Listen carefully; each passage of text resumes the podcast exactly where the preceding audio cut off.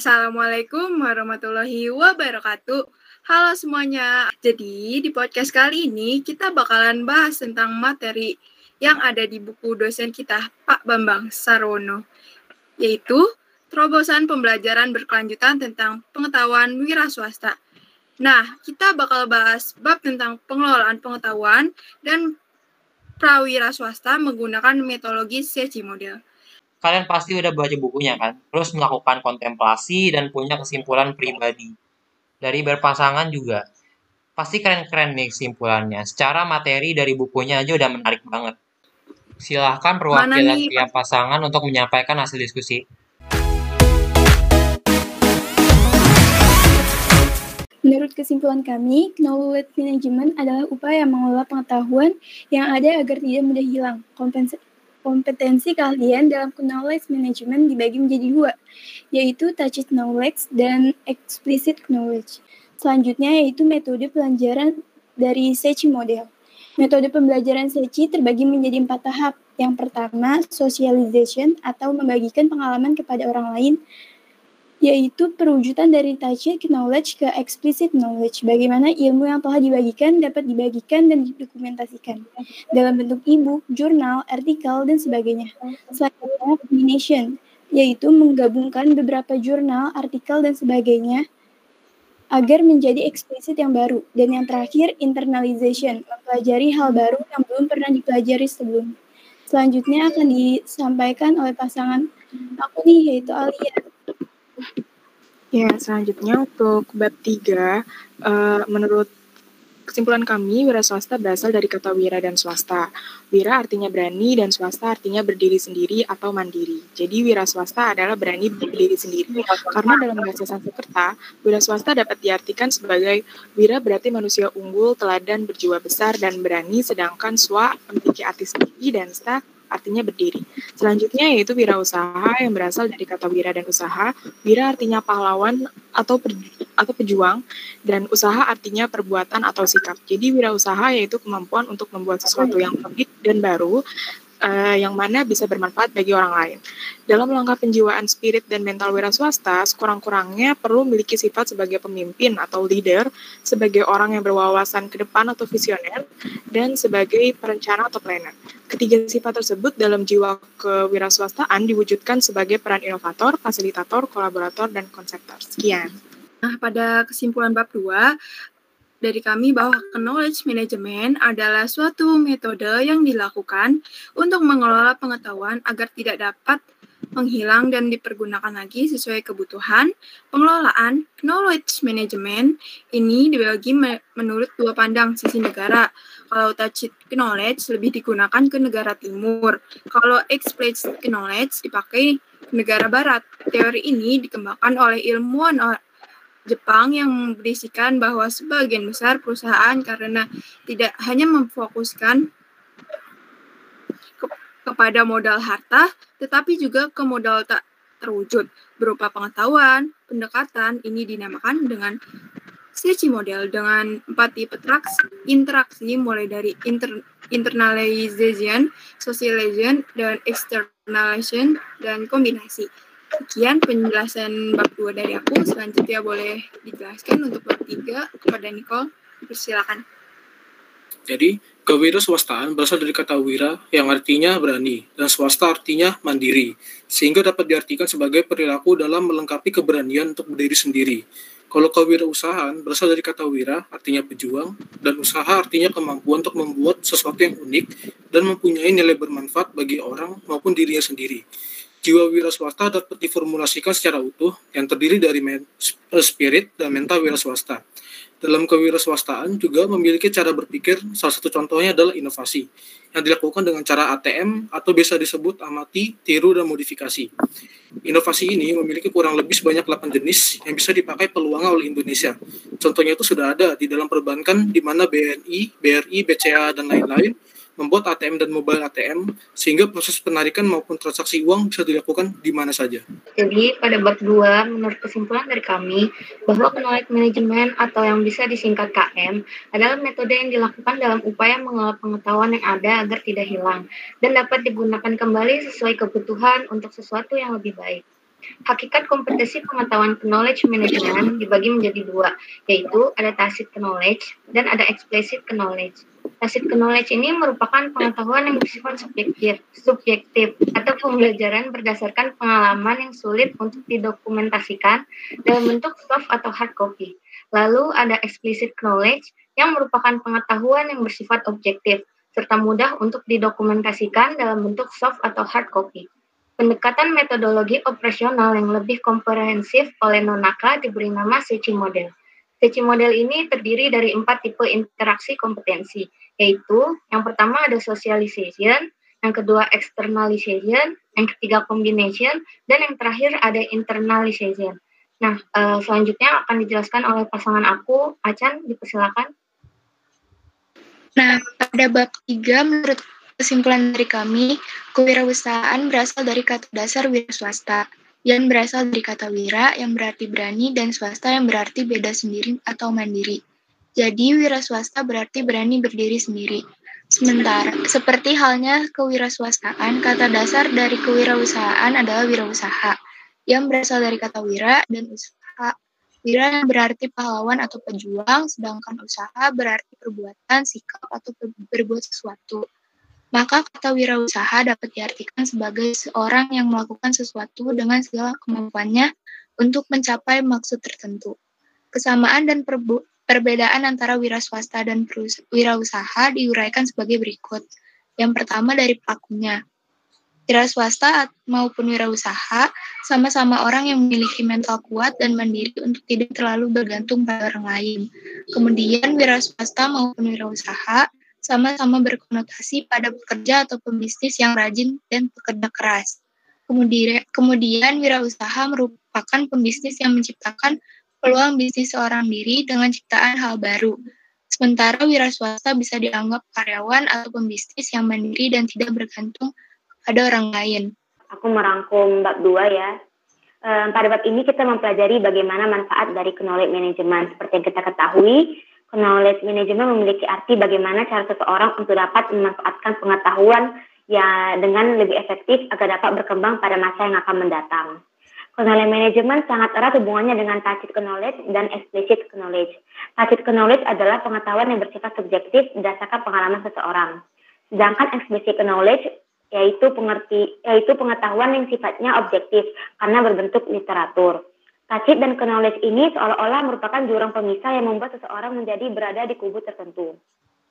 Maka dari itu diciptakannya metode knowledge management yang bernama Seichi Model yang dikembangkan oleh dua ilmuwan Jepang bernama Iki, Ikujuru Monaka dan Hirotaka Takeichi. Berkat metode ini, tacit dan knowledge menjadi saling melengkapi karena terbentuknya komunikasi yang tertata, kemudian hasil dari suatu pendapat akan disaring dengan pendapat yang lain, begitupun seterusnya sampai didapatkan pendapat yang terbaik dari pendapatan berkualitas lainnya. Uh, di sini aku akan menjelaskan bab tiganya. Wirausaha itu berarti bagaimana seseorang memiliki pengetahuan yang luas dan wirausaha yang berarti seseorang memiliki perilaku yang lebih hebat. Namun perlu diketahui, kedua hal ini memiliki kaitan yang sangat erat seperti layaknya ruh dengan tubuhnya yang apabila jika kita dikombinasikan itu disebut dengan jiwa. Intinya, ketika seseorang sudah memiliki jiwa yang kuat, dari perpaduan dari e, dari kombinasi itu apabila sudah memiliki jiwa yang kuat dari perpaduan wira swasta dan wira usaha, jangankan melihat peluang orang tersebut dipastikan juga dapat menciptakan suatu inovasi yang berkualitas yang tentunya telah terprediksi, tertakar dan terperinci dengan baik yang mungkin saja selama ini tidak tidak terfikirkan oleh orang lain tetapi diterima secara akal sehat dan disukai oleh berbagai kalangan. Jadi kesimpulan bab 2 di sini, knowledge management merupakan metode dalam upaya pengelolaan pengetahuan yang ada, di mana dalam pengelolaan pengetahuan tersebut, kompetensi pengetahuan harus dikelola dan dikembangkan. Hakikat pengelolaan pengetahuan ini dibagi menjadi tacit knowledge dan explicit knowledge. Seiring berjalannya waktu, terdapat perkembangan dari knowledge management ini yang terkenal dengan Seichi Model, dan telah dikembangkan oleh Iku Jiro Nonaka dan Hirotaka Takechi. Penerapan Sechi model ini terdapat empat interaksi kompetensi antara dan di luar sebuah organisasi, yaitu pertama, socialization, di mana menekankan pengalaman seseorang yang bersifat tacit knowledge. Kedua, externalization, atau proses perwujudan dari tacit knowledge ke explicit knowledge. Ketiga, combination, di mana setiap dokumen yang sudah ada bisa ditambah menyesuaikan kondisi. Dan internalization, bagaimana cara seseorang belajar atau mempelajari hal baru. Selanjutnya bisa dijelaskan oleh Ferdiansyah. Yang menjelaskan yang bab ketiga. Kewirausahaan dapat diartikan sebagai perilaku dalam melengkapi keberanian untuk berdiri sendiri. Di dalam dunia usaha disebut sebagai pengusaha. Kemudian menurut Joseph Schumpeter, wirausaha adalah seorang inovator yang melakukan berbagai perubahan dalam pasar lewat penggabungan beberapa hal atau sesuatu yang baru. Hakikat jiwa kewirausahaan terdiri dari spirit dan mental. Wira swasta yang mencerminkan ruh, serta keahlian dan keterampilan wira swasta yang mencerminkan raganya. Lalu dalam langkah penjiwaan spirit dan mental wira swasta, sekurang-kurangnya perlu memiliki sifat sebagai pemimpin atau leader, berwawasan ke depan atau visioner, dan sebagai perencana atau planner. Ketiga sifat tersebut dalam jiwa kewirausahaan diwujudkan sebagai peran inovator, fasilitator, kolaborator, dan konseptor. Sekian dari kami. Pada bab kedua, kami menyimpulkan bahwa knowledge management adalah metode yang dilakukan dalam upaya mengelola pengetahuan yang ada agar tidak hilang dan dapat digunakan kembali sesuai kebutuhan. Knowledge management itu sendiri terbagi menjadi dua, yaitu tacit knowledge dan explicit knowledge. Tacit knowledge artinya ilmu yang biasanya hanya didengar atau biasa dilakukan dalam kegiatan sehari-hari, sedangkan explicit knowledge artinya ilmu yang dicatatkan atau didokumentasikan karena tidak terbiasa terjadi di kegiatan sehari-hari guna menyimpan ilmu yang didapat dengan baik. Nah, salah satu knowledge management yang dikembangkan oleh ilmuwan Jepang yaitu Ikujiro Nonaka adalah Sechi model yaitu social, socialization, externalization, combination, dan internalization. Lalu akan dilanjutkan oleh rekan saya Leroy. Dari bab 3, itu wira swasta berasal dari kata wira yang artinya berani dan swasta yang artinya sendiri atau mandiri. Jadi wira swasta wira swasta artinya berani berdiri sendiri dan kewirausahaan artinya perilaku dalam melengkapi keberanian untuk berdiri sendiri ataupun mandiri. Pelaku kewirausahaan juga dikenal sebagai pengusaha. Lalu ada juga istilah wirausaha yang berasal dari kata wira yang artinya pahlawan atau pejuang dan usaha yang artinya perbuatan, sikap ataupun berbuat sesuatu. Jadi kewirausahaan berarti suatu sikap atau kemampuan untuk membuat sesuatu yang unik dan baru yang mempunyai nilai dan bisa bermanfaat bagi orang lain ataupun dirinya sendiri. E, menurut kami, pada bab 2 ini membahas mengenai knowledge management yang merupakan suatu metode pengelolaan pengetahuan untuk meng, untuk menghindari kesalahan yang sama, pengambilan keputusan, dan penyelesaian berbagai hal. Hakikat kompetensi pengetahuan terbagi menjadi dua, yaitu tacit knowledge dan explicit knowledge. Tacit knowledge bersifat kognisi, berdasarkan pengalaman contohnya keterampilan memasak. Sedangkan explicit knowledge bersifat rasional dan mudah didokumentasikan, contohnya keterampilan menyusun buku. Knowledge management ini merupakan ilmu yang dikembangkan di negara jiran dan Jepang pada akhir tahun 1990 oleh Ikujiro Nonaka dan Hirotaka Takeuchi. Kedua ilmuwan tersebut membuat metodologi Sechi model yang terdiri dari sosialisasi, eksternalisasi, kombinasi, dan internalisasi. Metodologi ini merupakan metodologi yang baik dan berhasil membuat perusahaan-perusahaan di Jepang menjadi sukses. Untuk bab 3 akan dijelaskan oleh Ismi. Pada bab 3 ini uh, menjelaskan tentang prawira swasta. Prawira swasta itu dapat diartikan sebagai perilaku dalam melengkapi keberanian untuk berdiri sendiri, sedangkan wira usaha menurut Joseph Kumputer adalah seorang adalah seorang inovator yang melakukan berbagai perubahan di dalam pasar lewat penggabungan beberapa hal atau sesuatu yang baru.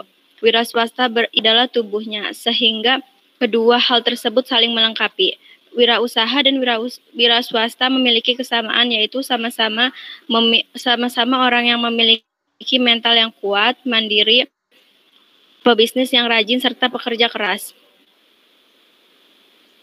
Jiwa kewirausahaan diwujudkan sebagai peran inovator, fasilitator, laborator, dan konseptor. Kewirausahaan juga memiliki spirit dan mental wirausaha. Seperti cara berpikir one step ahead, out of the box, dan sebagainya. Karakter orang kewirausahaan usahanya. Nah, sudah semua pasangan memberikan kesimpulannya.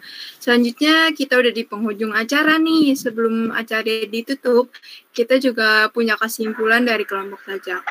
Boleh dong Najwan untuk membacakan kesimpulan dari bab duanya.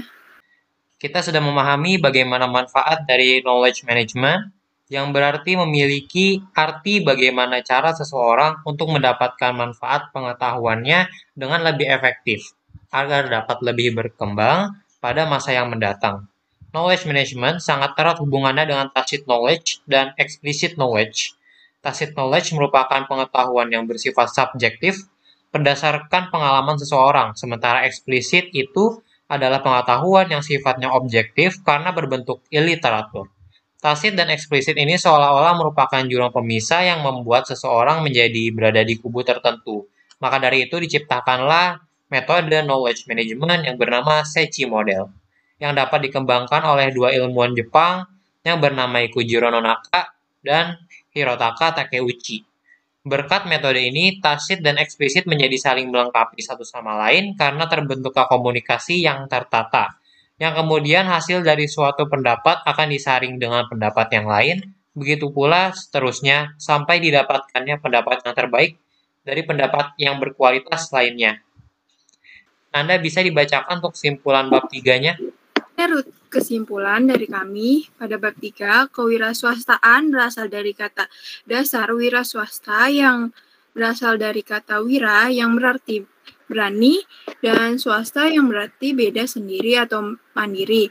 Jadi wira swasta berarti berani berdiri sendiri. Seperti halnya kewirausahaan, kata dasarnya dari kewirausahaan adalah wirausaha yang berasal dari kata wira dan usaha. Wira yang berarti Wira yang berarti pahlawan atau pejuang, sedangkan usaha berarti perbuatan. Sikap atau perbuatan sikap atau perbuatan sesuatu, maka kata wira usaha dapat diartikan sebagai seorang yang melakukan sesuatu dengan segala kemampuannya untuk mencapai maksud tertentu. Nah, kesamaan dan perbedaan antara wira swasta dan wira usaha diuraikan sebagai berikut. Uh, yang pertama dari pelakunya, wira swasta mampu maupun wirausaha sama orang yang memiliki mental kuat dan mandiri. Wira swasta maupun wirausaha sama-sama berkonotasi pada pekerjaan yang rajin dan pekerja keras. Wirausaha merupakan pebisnis yang menciptakan peluang bisnis seseorang dari dengan ciptaan hal baru, sementara wira swasta bi bisa dianggap karyawan atau pebisnis yang mandiri dan tidak bergantung kepada orang lain. Langkah perwujudan pengertian inovasi seperti ATM. Yang pertama, amati, T-nya tiru, M-nya modifikasi.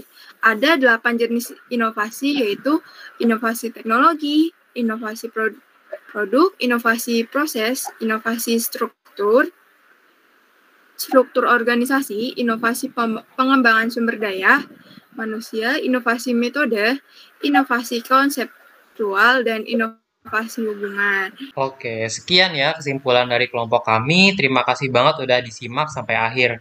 Dan sampai jumpa di podcast berikutnya.